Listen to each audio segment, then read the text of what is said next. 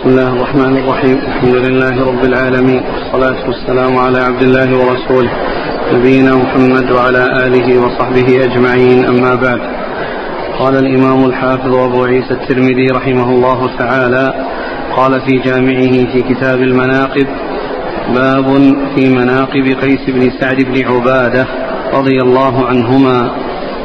قال حدثنا محمد بن مرزوق البصري قال حدثنا محمد بن عبد الله الأنصاري قال حدثني أبي عن ثمامة عن أنس رضي الله عنه أنه قال كان قيس بن سعد رضي الله عنهما من النبي صلى الله عليه وسلم بمنزلة صاحب الشرط من الأمير. قال الأنصاري يعني مما يلي من أموره. قال أبو عيسى هذا حديث حسن غريب. لا نعرفه إلا من حديث الأنصاري قال حدثنا محمد بن يحيى قال حدثنا محمد بن عبد الله الأنصاري نحوه ولم يذكر فيه قول الأنصاري بسم الله الرحمن الرحيم.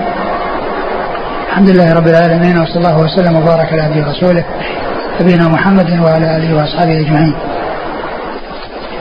أما بعد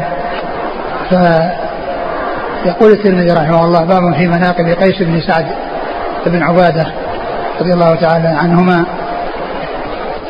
وأورد فيه هذا الحديث الذي فيه بيان قرب قيس بن سعد من رسول الله صلى الله عليه وسلم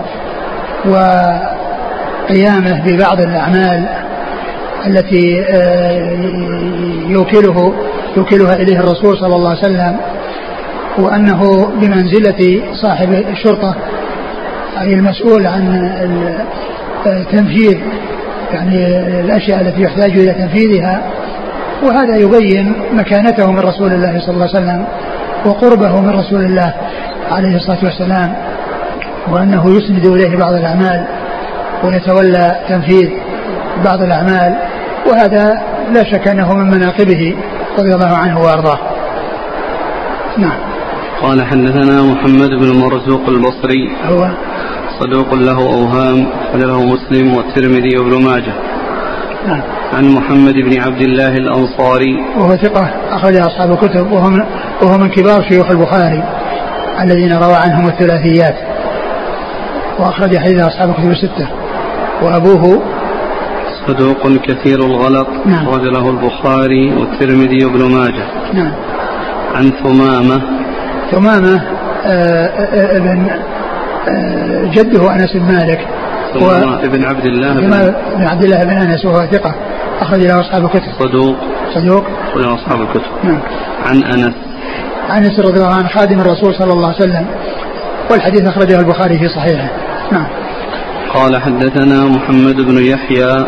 هو الذهلي ثقة أخرج أصحاب أصحاب الكتب إلا مسلم عن محمد بن عبد الله الأنصاري نحوه ولم يذكر فيه قول الأنصاري.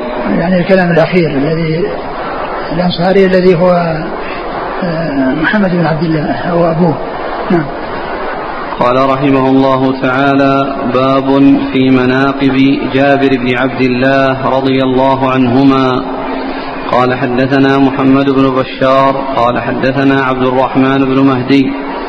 قال حدثنا سفيان عن محمد بن المنكدر عن جابر رضي الله عنه أنه قال جاءني رسول الله صلى الله عليه وآله وسلم ليس براكب بغل ولا برذون قال أبو عيسى هذا حديث حسن صحيح. آه، مناقب جابر بن عبد الله رضي الله عنهما ذكر في هذا الحديث أن النبي صلى الله عليه وسلم جاءه وهو ماش ليس راكبا لا لا يعني لا بغل ولا بردون. يعني دابة من يعني لم لم يكن راكبا دابة وإنما جاء ماشيا. وكان جاءه يعود عليه الصلاة والسلام وكان مريض وكان مريضا رضي الله عنه. وهو الذي فيه أنه أغمي عليه وأنه أخذ توضأ وأنه صب عليه من وضوئه وأنه أفاق. والحديث في صحيح البخاري وغيره. ولكنه ذكره هنا في مناقبه من أجل أن النبي صلى الله عليه وسلم جاء يعوده ماشيا. جاء يعوده ماشيا. فهذا عد من مناقبه كون النبي صلى الله عليه وسلم يأتي إليه ويعني يزوره ويعوده وقد جاء ماشيا ليس براكب. يعني هذا عد من مناقبه رضي الله عنه وأرضاه. نعم. قال حدثنا محمد بن بشار هو الملقب بن دار ثقة أخرج أصحاب الكتب. عن عبد الرحمن بن مهدي. ثقة أخرج أصحاب الكتب. عن سفيان. هو الثوري ثقة أخرج أصحاب الكتب. عن محمد بن المنكدر. وهو ثقة أخرج أصحاب الكتب. عن جابر. نعم. قال حدثنا ابن أبي عمر. قال حدثنا بشر بن السري. عن حماد بن سلمة. عن أبي الزبير.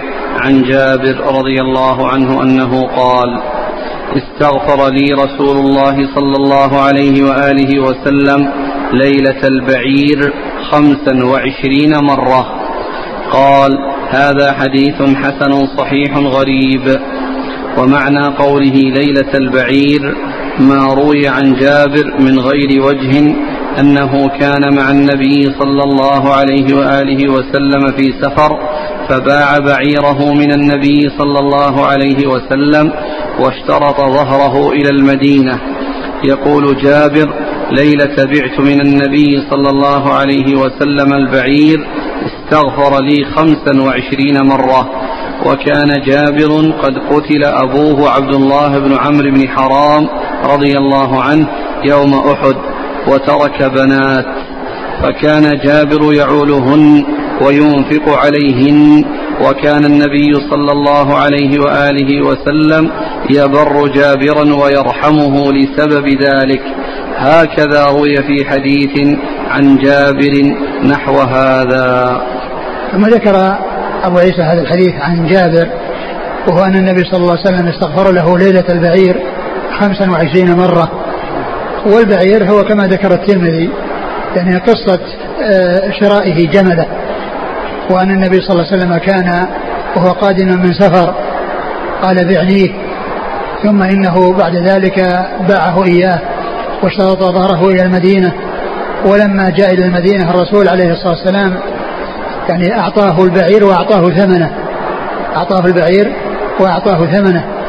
وذكر الترمذي أن جابرا كان يعول أخواته اللاتي مات عنهن أبوهن في غزوة أحد وكان النبي صلى الله عليه وسلم يعطف عليه ويبره من أجل قيامه على خواته وكلمة ليلة البعير يعني ليلة بيع البعير عليه وكان في الطريق إلى المدينة.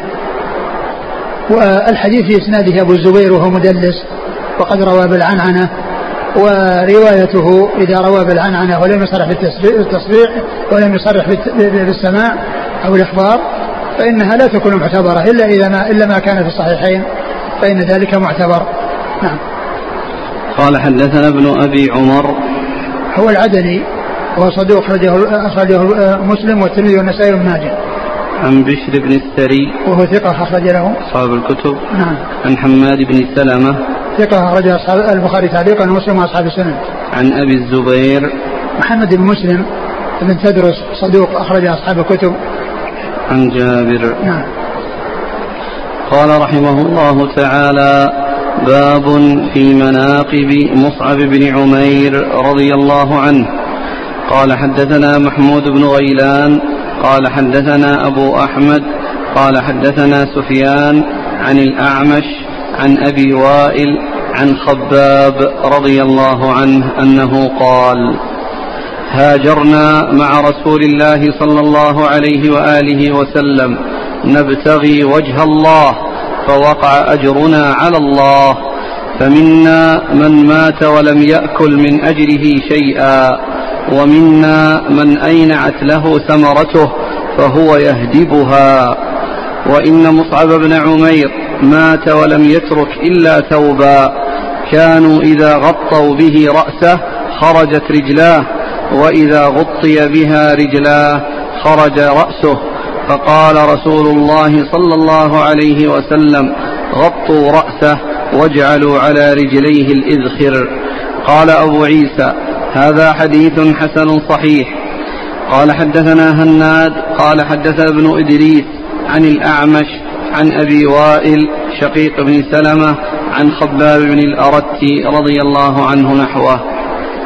ثم ذكر أبو عيسى مناقب آه، مصعب بن عمير رضي الله عنه وهو الذي أرسله النبي صلى الله عليه وسلم للمدينة قبل الهجرة ليعلم الناس في المدينة العلم ويعلمهم الدين و وكان رضي الله عنه إلى أنه كان من, من أنعم الناس وأكثرهم تمتعا وتنعما بالدنيا ولكنه بعد ذلك آآ آه، آآ آه، ترك يعني التنعم والانغماس في الدنيا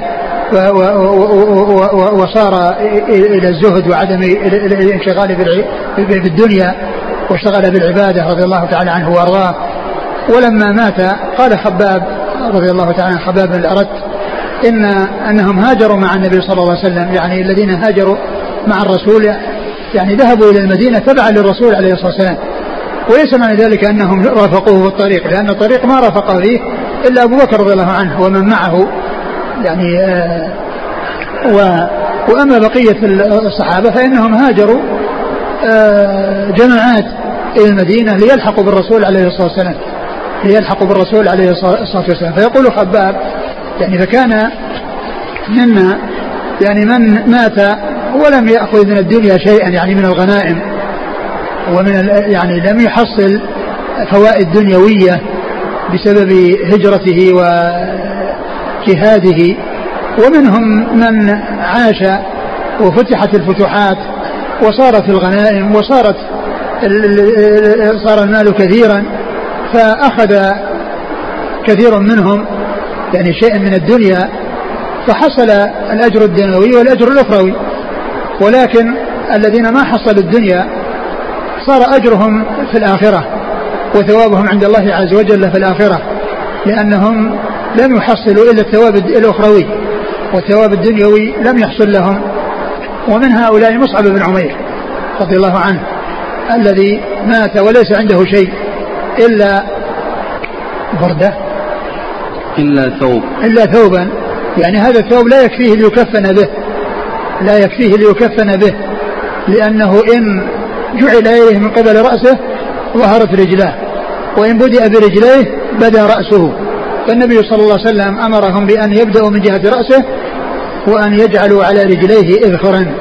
وهو نوع من النبات الذي رائحته طيبة وهو الذي استثناه الرسول صلى الله عليه وسلم من شعر من شجر الحرم حيث قال إلا الإذخر. قال العباس إلا الإذخر فقال النبي صلى الله عليه وسلم إلا الإذخر.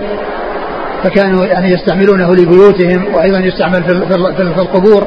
يعني في يعني يسكر به الأماكن التي يعني ينزل التراب منها. فكان آه، الرسول عليه الصلاة والسلام قال يجعلوا عليه على رجليه اذكرا وهذا من مناقب آه، آه، مصعب رضي الله عنه كون أبلى البلاء الحسن وجاهد في سبيل الله وما يعني أخذ شيئا من الدنيا أو ما استفاد من الدنيا وحصل الأجر عند الله عز وجل وهو من الذين قال الله عز وجل فيهم فمنهم من قضى نحبه فمنهم من قضى نحبه رضي الله عنه وأرضاه. نعم. قال حدثنا محمود بن غيلان ثقة أخرج أصحاب الكتب إلا أبا داود. عن أبي أحمد وهو الزبيري محمد بن عبد الله ثقة أخرج أصحاب الكتب. عن سفيان عن الأعمش سفيان هو الثوري ثقة أخرج أصحاب الكتب والأعمش سليمان المهران ثقة أخرج أصحاب الكتب. عن أبي وائل. وأبو وائل هو شقيق بن سلمة وهو ثقة مخضرم أخرج له أصحاب الكتب الستة وهو مشهور بكنيته. أبو وائل واسمه شقيق بن سلمة. عن خباب رضي الله عنه أخرج أصحاب الكتب. قال حدثنا هناد. هناد بن السري ثقة أخرجه البخاري في خلق أفعال العباد ومسلم وأصحاب السنن. عن ابن إدريس. هو عبد الله بن إدريس ثقة أخرج أصحاب الكتب. قال رحمه الله تعالى باب مناقب البراء بن مالك رضي الله عنه. قال حدثنا عبد الله بن أبي زياد. قال حدثنا سيار. قال حدثنا جعفر بن سليمان. قال حدثنا ثابت وعلي بن زيد عن أنس بن مالك رضي الله عنه أنه قال قال رسول الله صلى الله عليه وعلى آله وسلم كم من أشعث أغبر ذي طمرين لا يؤبه له. لو أقسم على الله لأبره. منهم البراء بن مالك. قال أبو عيسى هذا حديث صحيح حسن. هذا حديث صحيح حسن من هذا الوجه. ثم ذكر أبو عيسى مناقب البراء بن مالك وهو عم أنس بن مالك رضي الله تعالى عنه. وقال فيه وذكر هذا المنقب فيه. وهو أن النبي صلى الله عليه وسلم قال كم من كم من كم من كم من أشعث أغبر كم من أشعث أغبر ذي طمرين لو أقسم على الله لأبره منهم البراء بن مالك. وقوله كم أشعث يعني آه، عدد من الناس يكون أشعث يعني غير آه، يعني مفرق الشعر. يعني شعره أشعث يعني آه، متفرق ليس متنعما وأغبر يعني عليه غبرة يعني ذي طمرين يعني ثوبين خلقين يعني باليين لا يلتفت إليه ولا يعبأ به. لو أقسم على الله لأبره يعني لو حصل منه حلف فالله عز وجل يجعل حلفه بارا ولا يحنث في حلفه. بأن يوفقه الله عز وجل لأن تبر يمينه ولا يحصل تخلفها ولا يحصل حنث فيها. يعني وهذا من من من, من إكرام الله عز وجل له حيث يجعله يحلف على شيء ثم بعد ذلك يتحقق الذي حلف عليه. وقد يحلف على شيء لا يملكه فيهيئ الله عز وجل له من آه، يلين قلب من يكون بيده الأمر آه، في الشيء الذي حلف عليه فيتنازل. مثل ما حصل في قصة الربيع التي التي قالوا والله لا تكسر سن الربيع لأن كسرت سن يعني جارية فقالوا تكسر سنها فقال والله لا تكسر. فالرسول عليه الصلاة والسلام قال كتاب الله القصاص ثم إن أهل الجارية التي كسرت سنها جاءوا تنازلوا. فحصل بر هذه اليمين وهذا القسم ف هذا هو المقصود منه يعني معناه أن له منزلة عند الله وأن الله تعالى يحقق له ما أراد وأنه ليس ممن له شهرة وله ظهور وبروز وإنما يعني يكون عنده تواضع وعنده عدم ظهور. فيكون حصل له أن حقق الله عز وجل له ما أراده إكراما له إكراما له فبرت يمينه ما مع أنه حلف آه، على شيء ليس بإمكانه ولكن الله يسر له أن هيئ من كان بإمكانه تحقيق ذلك فحقق له ذلك الشيء الذي حلف عليه. نعم. قال حدثنا عبد الله بن أبي زياد هو صدوق؟ أبو داود والترمذي بن ماجه. نعم. عن سيار. سيار بن حاتم وهو؟ صدوق له أوهام. نعم. رواه الترمذي والنسائي وابن ماجه. نعم عن جعفر بن سليمان. وهو؟ صدوق. خرجه البخاري في الأدب المفرد ومسلم وأصحاب السنن. نعم. عن ثابت. ثابت بن أسلم البناني ثقة أخرج له أصحاب الكتب. وعلي بن زيد. علي بن زيد بن جدعان. آه ضعيف ضعيف أخرج له البخاري في المفرد ومسلم وأصحاب السنن نعم لكن قرينه ثابت الذي هو ثقة نعم عن أنس بن مالك رضي الله عنه خادم الرسول صلى الله عليه وسلم واحد السبع المكثرين من حديثه. ذكرتم القرابة بينهما؟ نعم. بين بين الناس؟ اي ما هو بعمه؟ لا أخوه أخوه؟ هو اسمه البراء؟ البراء بن مالك أخو أنس نعم بن اخوه أخوه نعم أخوه أخوه قال رحمه الله تعالى باب في مناقب أبي موسى الأشعري رضي الله عنه. قال حدثنا موسى بن عبد الرحمن الكندي. قال حدثنا أبو يحيى الحماني عن بريد بن عبد الله ابن أبي بردة عن أبي بردة عن أبي موسى رضي الله عنه عن النبي صلى الله عليه وآله وسلم أنه قال يا أبا موسى لقد أعطيت مزمارا من مزامير آل داود. قال هذا حديث غريب. قال وفي الباب عن بريدة وأبي هريرة رضي الله عنهما. ثم ذكر مناقب أبي موسى الأشعري وأنه كان حسن الصوت في القراءة وكان حسن القراءة وصوته حسن آه، آه، رخيم آه، متميز. في قراءته بحسن الصوت وحسن الأداء رضي الله عنه وأرضاه. وقد قال النبي صلى الله عليه وسلم إنك أعطيت مزمارا من مزامير آل داود. يعني يعني إن أنه يشبه يعني داود يعني في حسن صوته يعني في قراءته للزبور.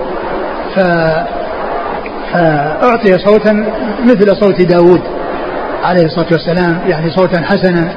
وهذا مدح وثناء عليه ومنقبة له. لهذا الرجل الذي هو أبو موسى الأشعري رضي الله تعالى عنه وأرضاه. نعم. قال حدثنا موسى بن عبد الرحمن الكندي. هو؟ ثقة أخرجه الترمذي والنسائي وابن ماجه. نعم. عن أبي يحيى الحماني. وهو صدوق يخطئ. له البخاري ومسلم في المقدمة. وأبو داود والترمذي وابن ماجه. نعم. عن بريد بن عبد الله بن أبي بردة. وهو ثقة أخرج أصحاب كتب عن أبي بردة. عن جده أبي بردة وهو ثقة أخرج أصحاب كتب عن أبي موسى. أبو موسى الأشعري عبد الله بن قيس رضي الله عنه أخرج له أصحاب كتب وفي الباب عن بريدة وأبي هريرة. بريدة بن حصيب الأسلمي أخرج أصحاب كتب وأبو هريرة أكثر الصحابة حديثا. قال حدثنا محمد بن عبد الله بن بزيع. قال حدثنا الفضيل بن سليمان. قال حدثنا أبو حازم. عن سهل بن سعد رضي الله عنهما أنه قال كنا مع رسول الله صلى الله عليه وآله وسلم وهو يحفر الخندق ونحن ننقل التراب وبصر بنا فقال اللهم لا عيش إلا عيش الآخرة فاغفر للأنصار والمهاجرة. قال هذا حديث حسن صحيح غريب من هذا الوجه وأبو حازم اسمه سلمة بن دينار الأعرج الزاهد. قال وفي الباب عن أنس بن مالك. ثم ذكر هذا الحديث وهو في فضل المهاجرين والأنصار. و في وأورده أبو موسى في مناقب عبد الله بن قيس. ومعلوم أن عبد الله بن قيس رضي الله عنه لم يأتي إلا عام خيبر بعد الخندق بسنتين. لأن الخندق في السنة الخامسة وخيبر في السنة السابعة. وكان مجيئه متأخرا لأنه من ذهب إلى الحبشة وجاء مع أصحاب السفينة يعني في آه، وقت خيبر. و فهو من المهاجرين لأن الهجرة كانت قبل فتح مكة. لا هجرة بعد الفتح والهجرة قبل فتح مكة. ولكنه في الوقت الذي يحفر فيه الخندق ليس من المهاجرين ولم يلحق بالمهاجرين. ولهذا فإن نسخة الشارح فيها باب مناقب سهل بن سعد. فيها باب مناقب سهل بن سعد. وهذا هو المناسب والمطابق للحديث. يعني ولا يناسب يعني آه أبا موسى يعني آه كونه من المهاجرين هم مهاجرين لكنه متأخر في الهجرة والهجرة إلى المدينة. والوقت الذي قال فيه الرسول اللهم اغفر المهاجر الا الأنصار والمهاجرة إنما قاله عام الخندق وهو لم يأتي أبو موسى حتى الآن في ذاك الوقت. فإذا ما عند الشارح من الترجمة وهي باب مناقب سهل بن سعد هذا هو الذي يطابق الترجمة. يقول سهل بن سعد يعني وهذا يعتبر من مناقبه. قال كنا نحفر.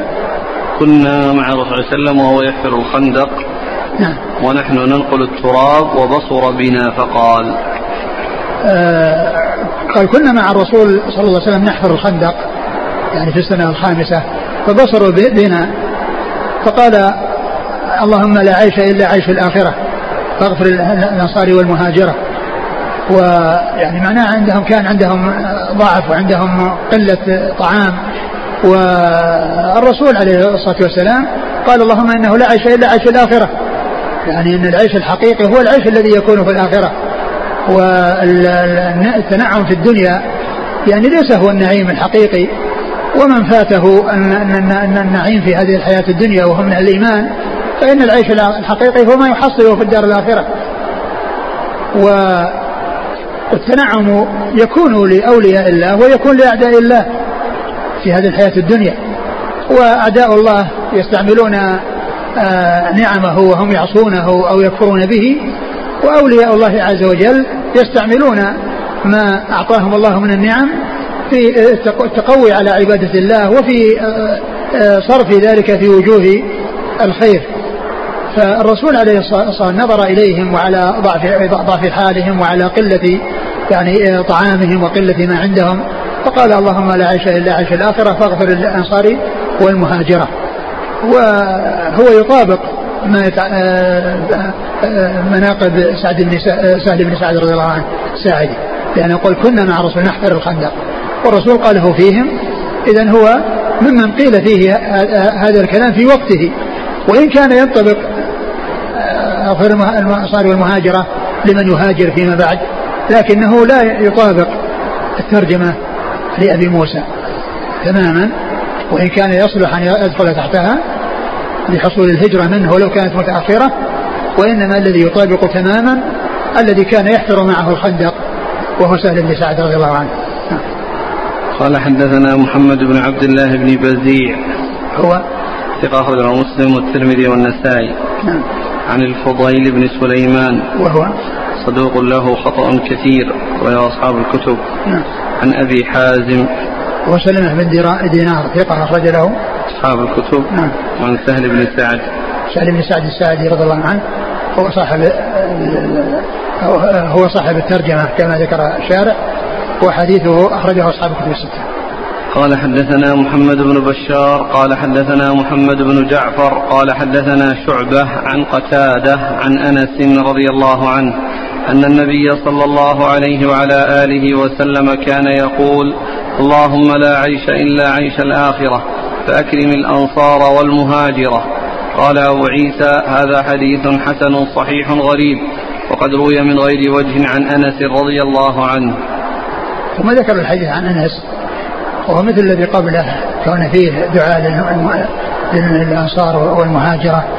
والحديث الذي قبل ذلك فيه تنصيص على أن ذلك في حفر الخندق وأن منهم سهل بن سعد الساعدي رضي الله عنه فهو يدخل في مناقب سعد كالحديث الذي قبله ويدخل تحته كل من كان من المهاجر والأنصار فإنه مدعو لهم بهذه الدعوة من رسول الله صلى الله عليه وسلم وهي طلب المغفرة للمهاجرين والأنصار رضي الله تعالى عنهم وأرضاه نعم قال حدثنا محمد بن بشار هو بن دار ثقة أخرج أصحاب الكتب. عن محمد بن جعفر. هو الملقب غندر ثقة أخرج أصحاب الكتب. عن شعبة. بالحجاج الواسطي ثم البصري ثقة أخرج أصحاب الكتب. عن قتادة. قتادة بن دعامة السدوسي البصري ثقة أخرج أصحاب الكتب. نعم.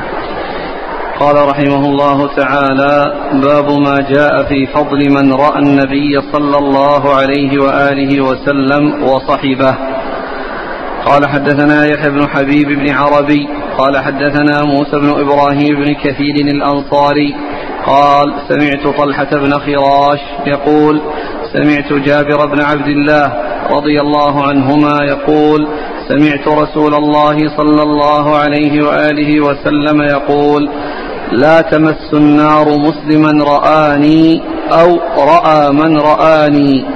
قال طلحة فقد رأيت جابر بن عبد الله وقال موسى وقد رأيت طلحة قال يحيى وقال لي موسى وقد رأيتني وقد رأيتني ونحن نرجو الله. قال هذا حديث حسن غريب. لا نعرفه إلا من حديث موسى بن إبراهيم الأنصاري. ثم ذكر هذه الترجمة باب فضل من رأى النبي صلى الله عليه وسلم من أصحابه. باب فضل من رأى النبي صلى الله عليه وسلم وصحبه. باب فضل من رأى النبي صلى الله عليه وسلم. فضل. باب فضل من رأى. في فضل. إيه؟ نعم باب فضل من رأى النبي صلى الله عليه وسلم وصحبه. آه الصحابة رضي الله عنهم وأرضاهم هم الذين لقوا النبي عليه الصلاة والسلام مؤمنين به وماتوا على الإسلام. ذكر الحافظ بن حجر في تعريف الصحابي فقال هو من لقي النبي صلى الله عليه وسلم مؤمنا به. من لقي النبي صلى الله عليه وسلم مؤمنا به ومات على الإسلام ولو تخللت ردة في الأصح. ولو تخللت ردة في الأصح.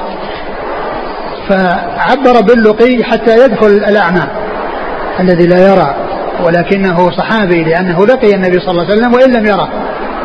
فيكون اللقي عاما يشمل الرائي والذي آه، ليس عنده آه، حاسة البصر ولكنه يظهر بالصحبة لكونه اجتمع بالرسول صلى الله عليه وسلم ورآه النبي صلى الله عليه وسلم والتقى بالنبي عليه الصلاة والسلام فيكون صحابيا. وكان حين لقيه مؤمنا به. حين لقيه مؤمنا به. فيعني يخرج من لقيه مؤمنا بأحد من الأنبياء ثم لم يؤمن به صلى الله عليه وسلم. ومات أيضا هذا الذي لقيه على الإسلام. يعني فإن ارتد ومات على الردة خرج من أن يكون صحابيا. فإن ارتد ومات على الردة خرج من أن يكون صحابيا. وإن ارتد وعاد إلى الإسلام فإن وصف الصحبة باق له. في أصح أقوال أهل العلم ولهذا قال في الأصح. يعني من من من من من, من قول من أقوال أهل العلم في المسألة.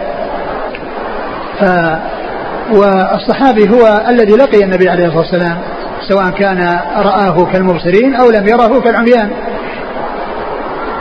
وهذا الحديث يقول آه لا تمس النار أحد رآني أو رأى من رآني. أحد رآني الذين هم الصحابة أو رأى من رآني الذين هم التابعون لأنهم الذين رأوا الذين رأوا النبي صلى الله عليه وسلم. الصحابة عيونهم رأت النبي صلى الله عليه وسلم والتابعون ما رأوا النبي صلى الله عليه وسلم ولكن رأوا العيون التي رأته. ولكن رأوا العيون التي رأت الرسول عليه الصلاة والسلام وهي عيون الصحابة رضي الله تعالى عنهم. والفضل في الصحابة أمره واضح وإنما الكلام في الكلام في التابعين وأن كل من رأى من رأى الرسول صلى الله عليه وسلم أنه لا تمسه النار. يعني هذا مما أنكر على بعض رواته وهو طلحة بن فراش وعد هذا من مناكيره. وهو منكر من حيث المتن بالنسبة لغير الصحابة. وأما بالنسبة للصحابة فورد فيهم ما يدل على فضلهم وعلى آه، آه، نبلهم. وأنهم وعدوا جميعا الحسنى كما قال الله عز وجل لا يستوي منكم من أنفق من قبل الفتح وقاتل أولئك أعظم درجة من الذين أنفقوا بعد وقاتلوا وكلا وعد الله الحسنى.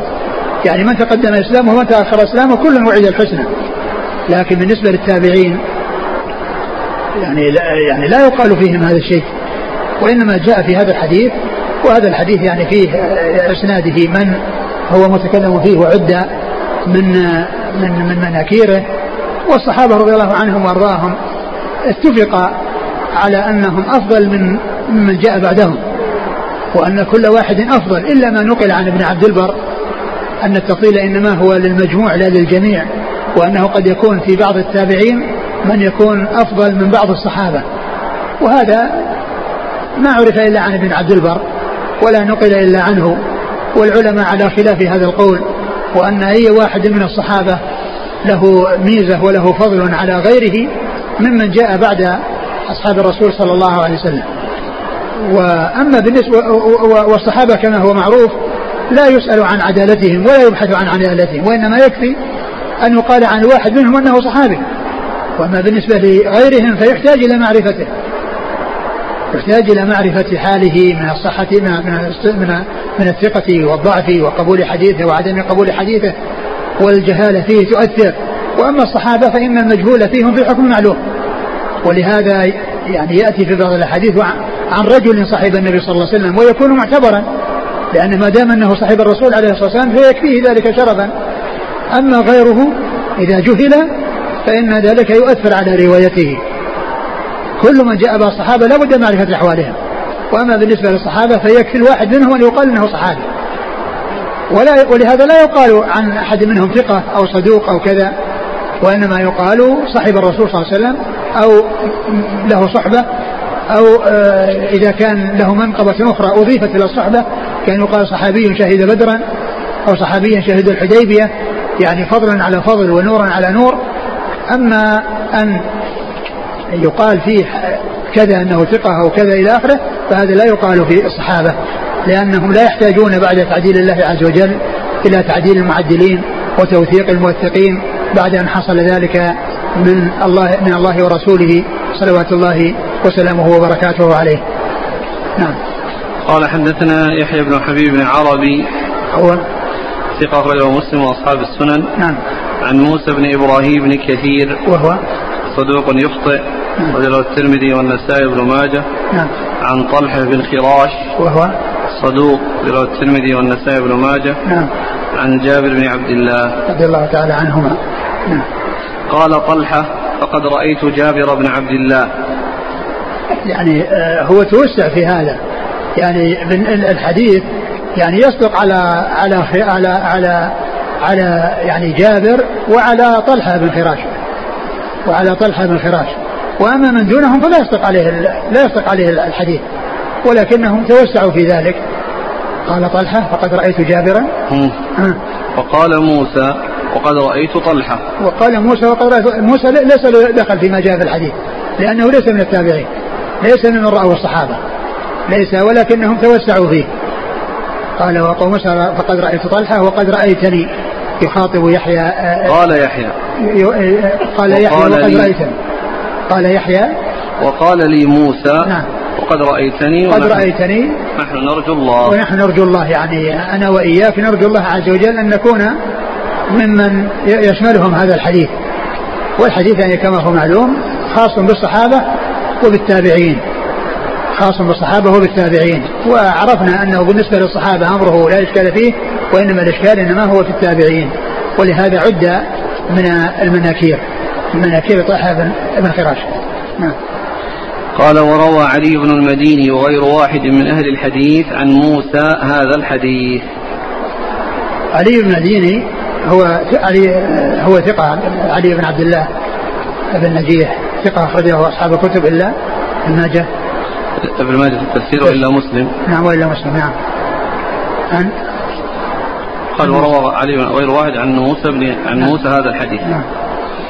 قال حدثنا هناد قال حدثنا أبو معاوية عن الأعمش عن إبراهيم عن عبيدة هو السلماني عن عبد الله بن مسعود رضي الله عنه أنه قال قال رسول الله صلى الله عليه وعلى آله وسلم خير الناس قرني ثم الذين يلونهم ثم الذين يلونهم ثم يأتي قوم من بعد ذلك تسبق أيمانهم شهاداتهم أو شهاداتهم أيمانهم. قال وفي الباب عن عمر وعمران بن حسين وبريدة رضي الله عنهم. قال وهذا حديث حسن صحيح. ثم ذكر هذا الحديث عن مسعود رضي الله تعالى عنه وهو في فضل المهاجرين فضل الصحابة والتابعون وأتباع التابعين القرون الثلاثة. خير الناس قرني ثم الذين يلونهم ثم الذين يلونهم. الذين الصحابة هم خير القرون لأنهم القرن الذين صحبوا النبي صلى الله عليه وسلم ورأوه ورآهم وأكرمهم الله عز وجل بصحبته وبالجهاد معه والدب عنه والدفاع عنه وتلقي الكتاب والسنة عنه وإبلاغهما للناس وهم الواسطة بين الناس وبين رسول الله صلى الله عليه وسلم. ثم التابعون الذين تلقوا عن الصحابة. ثم أتباع التابعين الذين تلقوا عن التابعين. الذين تلقوا عن التابعين. وهذا يدل على فضل القرون الثلاثة. الذين هو قرن الصحابة وقرن التابعين وقرن أتباع التابعين. وكل واحد منهم يلي الذي قبله. فقرن التابعين يعني هو يلي في الأفضلية قرن الصحابة وقرن أتباع التابعين يلي قرن التابعين. وكل قرن أفضل من الذي يليها الصحابة ثم الذين رأوهم ثم الذين رأوا من رأوهم. و و بالنسبة للتابعين وأتباع التابعين لا يقال أن أي فرد من أفراد التابعين أفضل من أي فرد من أفراد أتباع التابعين ومن بعدهم. بل قد يكون في أتباع التابعين من يكون أفضل من بعض التابعين الذين رأوا الصحابة. لكن لا يقال هذا في حق أصحاب الرسول عليه الصلاة والسلام كما عرفنا. إلا ما نقل عن ابن عبد البر وإلا فإن العلماء متفقون على أن أي واحد من الصحابة أفضل من أي واحد يأتي بعدهم وأن التفضيل للجميع لا للمجموع وأما بالنسبة للتابعين وأتباع التابعين فهو المجموع فقد يكون في أتباع التابعين أو من بعدهم من يكون أفضل من بعض التابعين. من يكون أفضل من بعض التابعين لكن لا شك أن التابعون الخير فيهم كثير لكن لا يعني ذلك أن يكون شأنهم كشأن الصحابة. أي واحد منهم يكون أفضل من إيش؟ من الذي آه، القرن الذي يليه. بل قد يكون في أتباع التابعين من يكون أفضل من بعض الصحابة. نعم. قال حدثنا هناد عن أبي معاوية. أبو معاوية محمد بن خازم الضرير الكوفي ثقة أخرج أصحاب الكتب. عن الأعمش عن إبراهيم. الأعمش هو مر ذكره هو إبراهيم هو بن يزيد بن قيس النقعي ثقة أخرج أصحاب الكتب. عن عبيدة هو السلماني. عبيدة بن عمرو السلماني ثقة أخرج أصحاب الكتب. وعبد الله بن مسعود رضي الله عنه أخرج له أصحاب الكتب. وجاء في آخره ثم يأتي أناس تسبق أيمانهم شهادتهم وشهادتهم أيمانهم. يعني وهذا ذم وذلك أنهم آآ آآ يشهدون ويحلفون على الشهادة. والشهادة لا يحتاج إلى أن يحلف عليها. فالإنسان يشهد ولا يحلف ولا يعود نفسه الحلف. فهذا فيه ذم لهم أنهم يشهدون ويحلفون فقد تسبق الحلف الشهادة وقد تسبق الشهادة الحلف. وذلك أنهم لا يبالون بالشهادة والحلف. لا يبالون بالشهادة والحلف. ولا وليس لهما خطورة عندهم. يعني بخلاف يعني آه يعني آه غيرهم ممن يعظم شأن الشهادة ويعظم شأن اليمين وأن يكون الأمر آه خطيرا. ولهذا جاء عن إبراهيم النخعي أنه قال كانوا يضربوننا على اليمين والعهد ونحن صغار. كانوا يضربوننا على اليمين والعهد ويؤدبونهم حتى لا يهون في في في على ألسنتهم العهد والحلف واليمين فيتساهلون في ذلك ويحصل منهم الخطأ في ذلك والإخلاف أو عدم الصدق يعني في ذلك. كونه يسلم من كثرة الحلف ويسلم من كثرة العهد لا شك أن هذا خير يعني حتى لا يحصل الإخلال بالشيء الذي حلف عليه أو بالشيء الذي عاهد عليه. فكان قال كانوا يضربوننا على اليمين والعهد ونحن صغار أن يؤدبون أولادهم. يؤدبون الصغار. فهؤلاء يعني جاء ذمهم يسبق أحدهم شهادته أو شهادة يمينه يمين شهادته وشهادته يمينه. يعني والله أشهد بالله كذا والله كذا. فيشهد ولا يحلف. إذا احتج إليه يشهد ويقدم الشهادة ولا يحتاج إلى أن يحلف. نعم.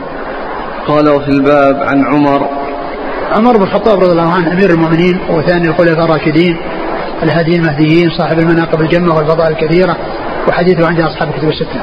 وعمران بن حصين عمران بن حصين رضي الله تعالى عنه أخرج أصحاب الكتب. وبريدة وبريدة بن حصين أخرج أصحاب الكتب. قال رحمه الله تعالى باب باب في فضل من بايع تحت الشجرة قال حدثنا قتيبة قال حدثنا الليث عن أبي الزبير عن جابر رضي الله عنه أنه قال قال رسول الله صلى الله عليه وآله وسلم لا يدخل النار أحد ممن بايع تحت الشجرة. قال أبو عيسى هذا حديث حسن صحيح. ثم ذكر أبو عيسى فضل من بايع تحت الشجرة وهي بيعة الرضوان عمل حديبية من حيث بايع الرسول صلى الله عليه وسلم أصحابه على الجهاد وعدم الفرار وكان عددهم على يعني 1300 أو 1400 أو 1500 وأصح الأقوال أنهم 1400 وهؤلاء قال فيهم النبي صلى الله عليه وسلم لا يلج النار أحد بايع تحت الشجرة أو أحد ممن بايع تحت الشجرة. فهذه منقبة عظيمة لهذا لهذا لهذا العدد من الصحابة الذين بايعوا رسول الله صلى الله عليه وسلم تحت الشجرة في الحديبية. وهذه منقبة عظيمة لمن حصل له ذلك. ولهذا عندما يأتي الذي شهد الحديبية مع كونه صحابيا يعني يقول صحابي شهد الحديبية. إنها بيعة الرضوان يعني شرف إلى شرف يعني خير إلى خير. يعني كون الصحابي هذا خير وكونه أيضا ممن حصلت له هذه المنقبة خير على خير.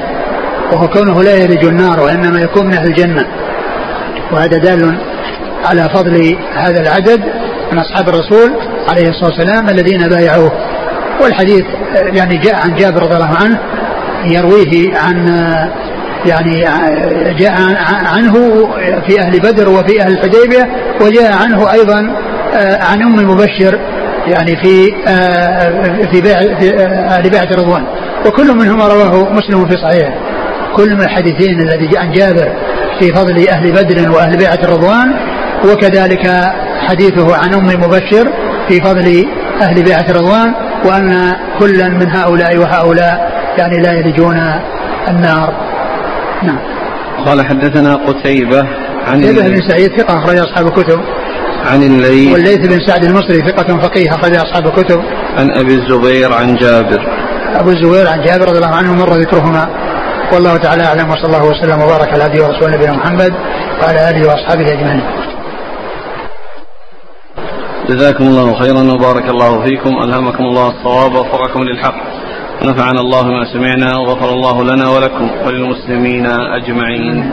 آمين. يقول السائل هل يدخل في معنى القسم على الله؟ مثلا أن يقول أقسمت عليك يا رب أقسمت عليك يا الله. لا هذا لا يجوز. هذا ليس يعني من القسم الذي يدخل تحت الحديث.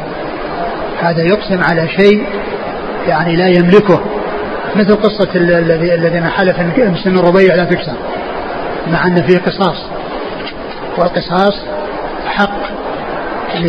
يعني لمن كسرت سنه. ف يعني هذا الحلف يعني على شيء لا يملكه. الله تعالى سخر من يملكه حتى تنازل وبرت اليمين. أما الإقسام على الله أقسم, أقسم عليك يا الله أو أقسم على الله هذا لا يجوز.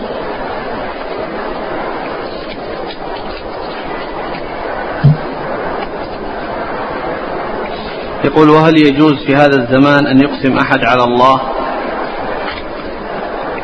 لا قلنا أن الإقسام على الله لا يجوز. الإقسام على الله لا يجوز ولكن كل إنسان يقسم على شيء لا يملكه ما ينبغي الإنسان لأن قد لا تبر, تبر يمينه. وثم أيضا أن يكون الإنسان يقسم على اعتبار أنه يعني يريد أن يكون من هؤلاء الإنسان لا يعني لا يجعل نفسه هذا يعني شيء يجعله الله في, في, في, في الإنسان كونه يعني يكون متواضعا وكونه يكون متصفا بصفات أما كل إنسان يقول كذا يقول من أجل أن تبر يميني وأن أكون من يقسم وأن تحصل يحصل لي البر لا ما ينبغي هذا. الإنسان لا يحلف على شيء قد يتحقق له ذلك. نعم.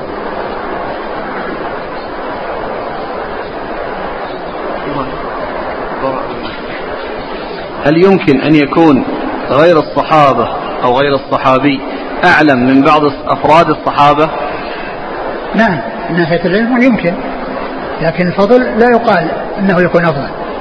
وإلا فإن العلم لا شك أنه يكون في التابعين. عندهم من العلم من ما ليس عند بعض أفراد الصحابة مثل الذين يعني آآ آه، آآ آه، مثل الأعراب الذين يعني لقوا النبي صلى الله عليه وسلم ولكنهم ما حدثوا عنه أو حدثوا عنه بالحديث الواحد. لكن من ناحية العلم وكثرة العلم لا شك أنه قد يكون يكون يكون واقعا. لكن من ناحية الفضل من كان صحابي أفضل من من التابع ولو كان عنده يعني يفوقه بالعلم بالعلم كثير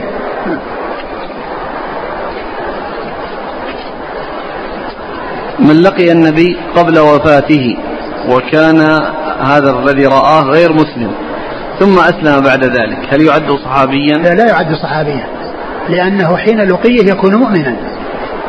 من لقي الإنسان مؤمنا به من لقي النبي مؤمنا به ومات على الإسلام فإذا لقيه وهو غير وهو كافر ثم مات النبي صلى الله عليه وسلم ولم يلقه عليه الصلاة والسلام لم يلقى النبي عليه الصلاة والسلام وأسلم فإنه لا يكون صحابيا لأنه ما لقيه وهو مسلم. لم لم يلقه وهو مؤمن به. نعم. يقول آه، ما رأيكم في من يستدل بحديث اللهم لا عيش إلا عيش الآخرة على جواز الأناشيد؟ فالنبي صلى الله عليه وسلم وأصحابه أنشدوا ذلك. إنشاد الشعر ما في شيء ولكن الأناشيد اللي صار يعني الناس انفتنوا بها ويجمعون أصوات يعني منمقة يعني فيها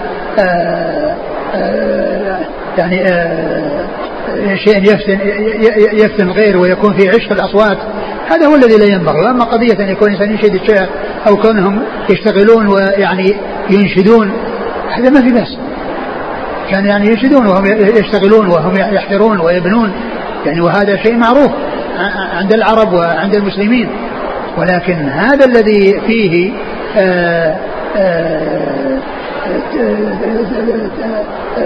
تحسين الأصوات وجمع أناس أمام الميكروفون يعني يأتون بأصوات هذه شغلت عن القرآن وشغلت عن الحديث وافتتن الناس بها فصار اشتغلوا بشيء لا, لا جدوى له عن الشيء الذي فيه الجدوى. وهذا يقول رجل يستدل بكلام أحد المفسرين الكتاب عندما قال إن سورة العاديات فيها إيقاع موسيقي متصاعد. فقال نعم قال رسول الله صلى الله عليه وسلم من لم يتغنى بالقرآن؟ وقال أعطيت مزمارا من مزامير آل داود. فظن أن المزمار في ذلك مثل مزامير هذا العصر. المزمار هو كون قراءته حسنة. هذا الذي جاء في في قصة أبي موسى. ليس فيه يعني هذا الموسيقى والكلام الساقط هذا. الجواب عن شبهة قوله تعالى إذ يبايعونك تحت الشجرة. فقالت الرافضة إذ تفيد أن الله رضي عنهم في ذلك الحال فقط ولا تفيد أنهم أنه مرضي عنهم حتى الموت. ومن رضي الله عنه ذلك اليوم قد يغضب عليه غدا. أقول مثل هؤلاء لا يلتفت إلى كلامهم ولا قيمة لكلامهم ولا عبرة بكلامهم. والله عز وجل رضي عنهم. والله تعالى قال آه، آه، آه، رضي الله عنهم ورضوا عنه. يعني جاء في القرآن عن المهاجرين والأنصار رضي الله عنهم ورضوا عنه. ويعني فالرضا يعني حاصل من الله عز وجل لهم. وقد قال الله عز وجل في القرآن لا يستوي منكم من أنفق من قبل وقاتل أولئك على درجة من أنفق وكل وعد الله الحسنى. والله تعالى أثنى عليهم في التوراة والإنجيل حتى الكتب السابقة. الله تعالى أثنى عليهم فيها. وقال في آخر الآية ليغيظ بهم الكفار.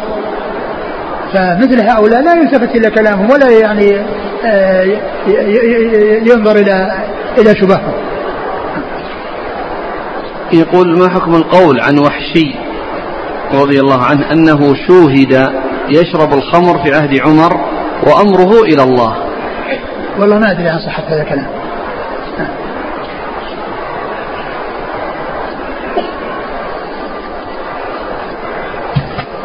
يقول ما هو أفضل كتاب عن سيرة الخلفاء الراشدين؟ والله ما أستطيع أن أقول كتاب معين. أنه أفضل ولكن المؤلفات يعني عديدة.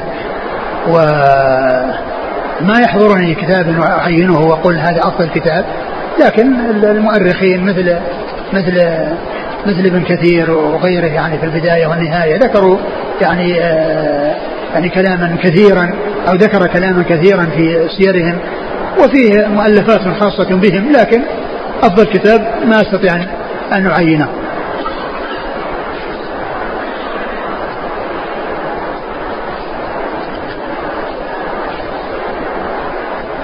يقول هل يجوز أن أسمي ولدي سيف الله كما سمى النبي صلى الله عليه وسلم خالد بن الوليد تيمنا وتبركا؟ الرسول صلى الله عليه وسلم خالد اسمه خالد. فأنت تسميه خالد. إذا تسميه سمي خالد. هذا اسم خالد بن الوليد.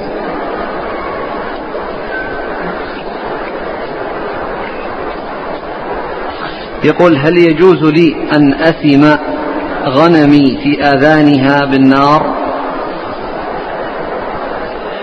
آه نعم ما في بأس.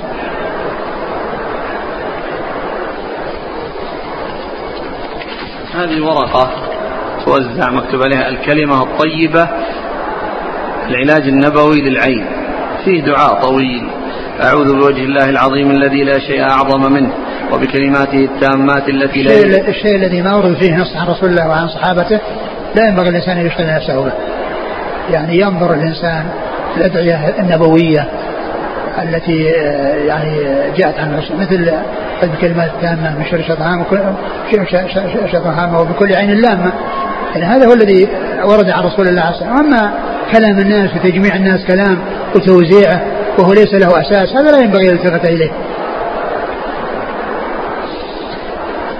يقول آه، ما حكم أن أتفق أنا تاجر الذهب مع مشتر على أن أحجز له قطعة ذهبية ويكون ثمن الشراء في اليوم الذي حجز فيه القطعة لا اليوم الذي يأتي فيه بالمال ليأخذ القطعة. مع العلم أن الطرفين راضيان بهذا. ما في بأس. كل إنسان يعني يكون عنده كذا يقول احجز لي كذا أو اتفق معك بكذا. يعني والتسليم يعني يكون فيما بعد يعني حجز مواعدة وليس بيعا يعني مواعدة على أساس أنه يعني آه، لا يفوتها عليه يعني حتى يأتي إليه ويعطيه القيمة ويتفق معه على السعر ما في بأس. لكن البيع لا يجوز لأن البيع لابد فيه من التقابض. يقول سؤاله الثاني وإذا جاء المشتري إلي وأنا ليس عندي ما يريد فأذهب إلى تاجر غيري وآخذ منه القطعة وأزيد عليها مبلغا بسيطا. ويكون هذا المبلغ لي والسعر الأصلي أعطيه لصاحب القطعة. كيف كيف؟ إذا جاء المشتري الذي وعدته بالقطعة. إيه، إيه. فليست عندي. فأذهب إلى تاجر بجواري وآخذ منه هذه القطعة. وأزيد عليها مبلغ بسيط. إيش معنى يزيد عليه؟ يعني هي بخمسين يقول له بخمسة وخمسين. يعني اشتراها منه اشتراها منه بخمسة وخمسين؟ دفع له خمسة وخمسين وأخذ القطعة لا يدفع له بياخذ أخذها بس وقال له اصبر. يروح للمشتري يقول له خذ هذه 55 5 ريال لي وال50 حق التاجر اللي بجنبي هو اشترى القطعة ولا ما اشتراها؟ متابع للسؤال الأول اتفق معه. على الشخص الثاني هذا الجديد. يعني اشترى منه القطعة هذه التي سيعطيها للشخص الذي وعده أو لم يشتره يشتريها. كان شراء لابد من التقابل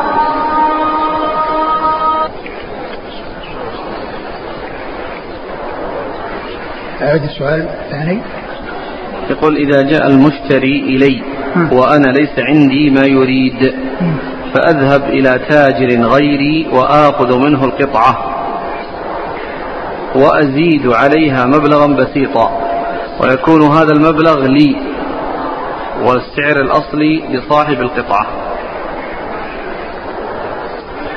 يعني الآن القطعة هي عند المحجوزة عندي. وهو الآن سيبيع هذه القطعة أو يشتري قطعة ثانية. ما أدري إيش الكلام هذا. يعني الآن راح اشترى قطعة من تاجر ثاني.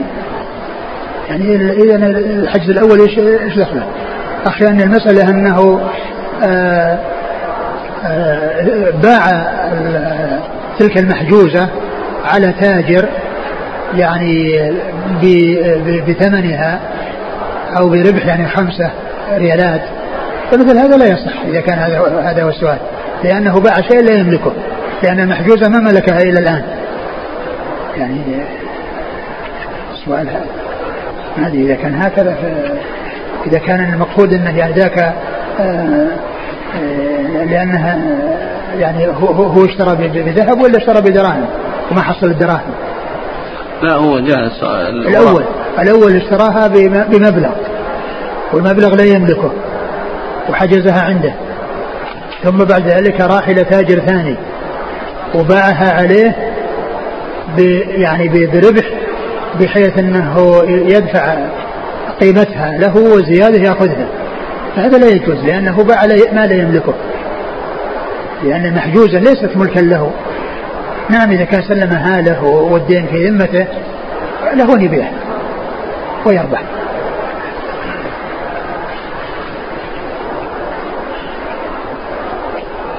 يقول لكن بس الدين يعني كما هو معلوم كما قلنا أنها يعني لابد من التقابض يعني لابد من التقابض يعني لأن لابد من التقابض يعني يعني بالنسبة للذهب والفضة لابد من التقابض وين حصل التفاوت؟ وبالنسبة للذهب مع الذهب لابد من التساوي والتقابض لكن مثل هذا كونه راح واتفق مع إنسان على أنه يبيعه تلك السلعة التي ما قبضها ويربح فيها.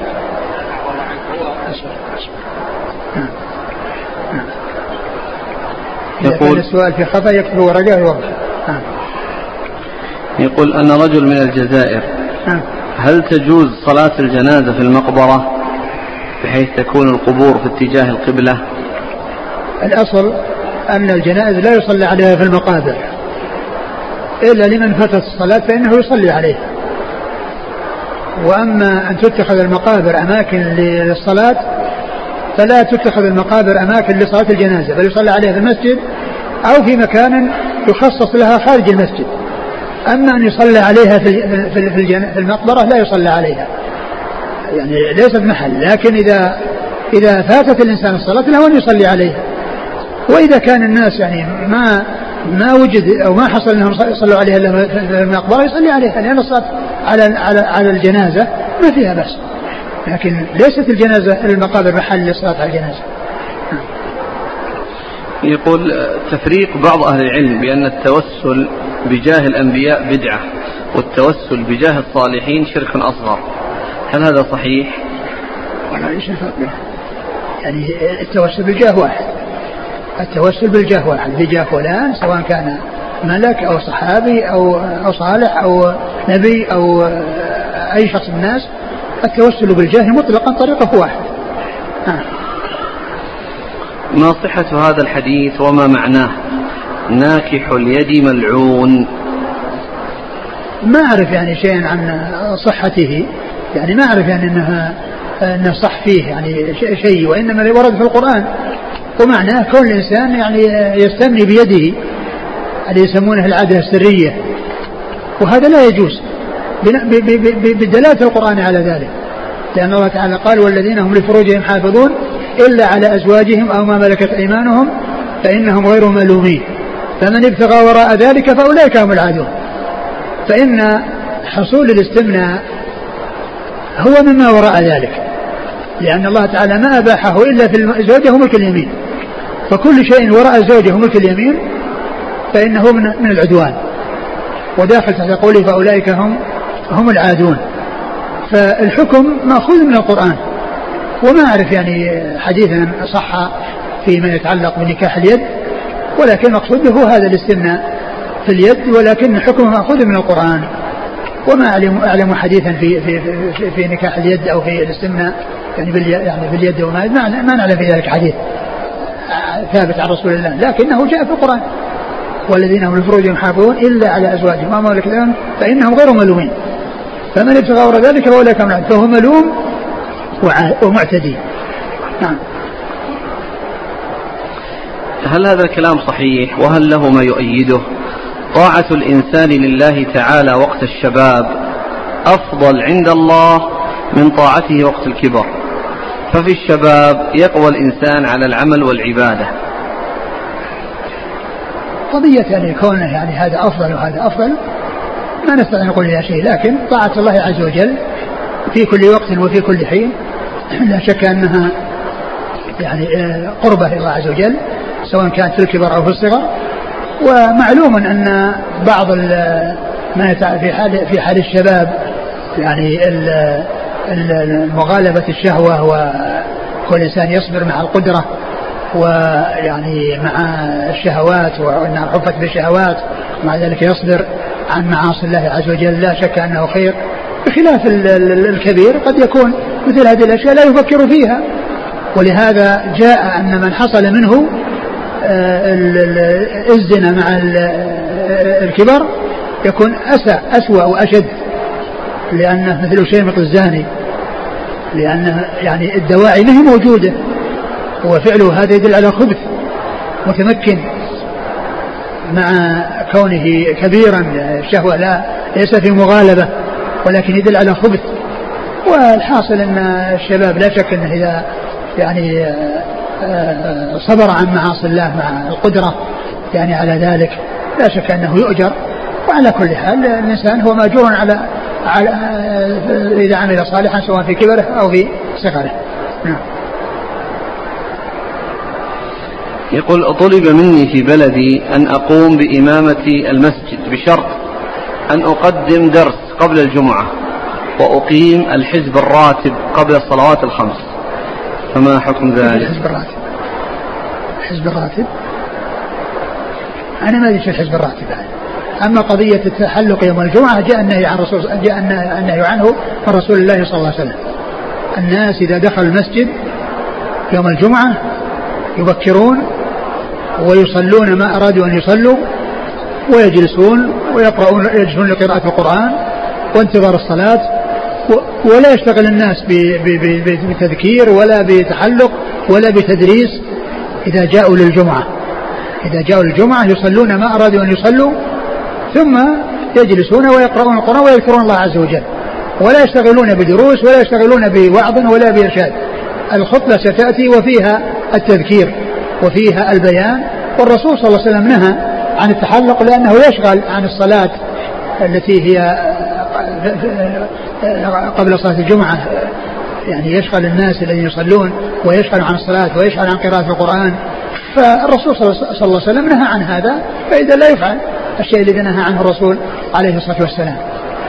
وإذا كان أن بقائك يعني في هذا العمل يعني فيه مصلحة كبيرة ومصلحة أعظم بكونك تفيد الناس وأنت على خير وتبين لهم فأنت يمكن أنك تأتي بشيء يعني قليل جدا يعني شيء دقيقتين أو ثلاث من أجل أنك تبقي على هذا الخير الذي آه، أنت عليه أو الذي فيك إذا كان فيك خير.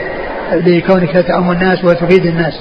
أما إذا كان ما في إمامتك لهم فائدة و ف فقضية الوقوع في شيء عن الرسول صلى الله عليه وسلم غير سائغ